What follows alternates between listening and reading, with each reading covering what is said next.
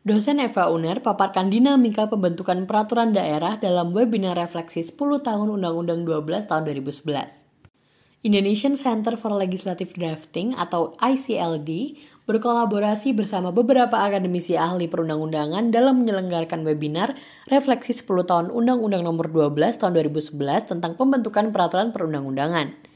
Webinar ini dihadiri oleh Profesor Dr. Maria F. Indrati SHMH, Guru Besar Fakultas Hukum Universitas Indonesia, selaku keynote speaker.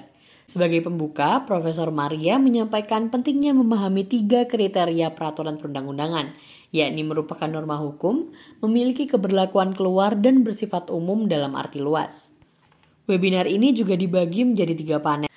Pada diskusi panel ketiga, Dr. Mirza Nasution SHM Hum dan Dr. Radian Salman SHLLM berdiskusi dengan tema evaluasi penyusunan peraturan perundang-undangan di daerah.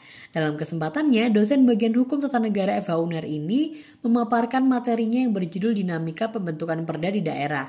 Dr. Radian Salman SHLLM mengatakan bahwa di Indonesia terdapat lebih dari 3.000 peraturan daerah yang dibatalkan oleh pemerintah pusat pada tahun 2016. Lebih lanjut, dengan berlakunya Undang-Undang 11 tahun 2020 tentang Cipta Kerja, beserta peraturan turunannya memberi dampak luas pada daerah.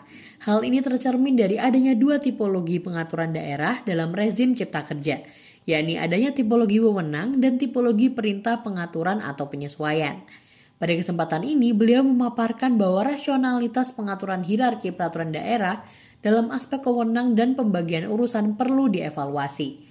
Pasalnya, dari sisi institusional, hal ini akan memperkecil otonomi kabupaten atau kota dengan memperbesar peran wakil pemerintah pusat di daerah.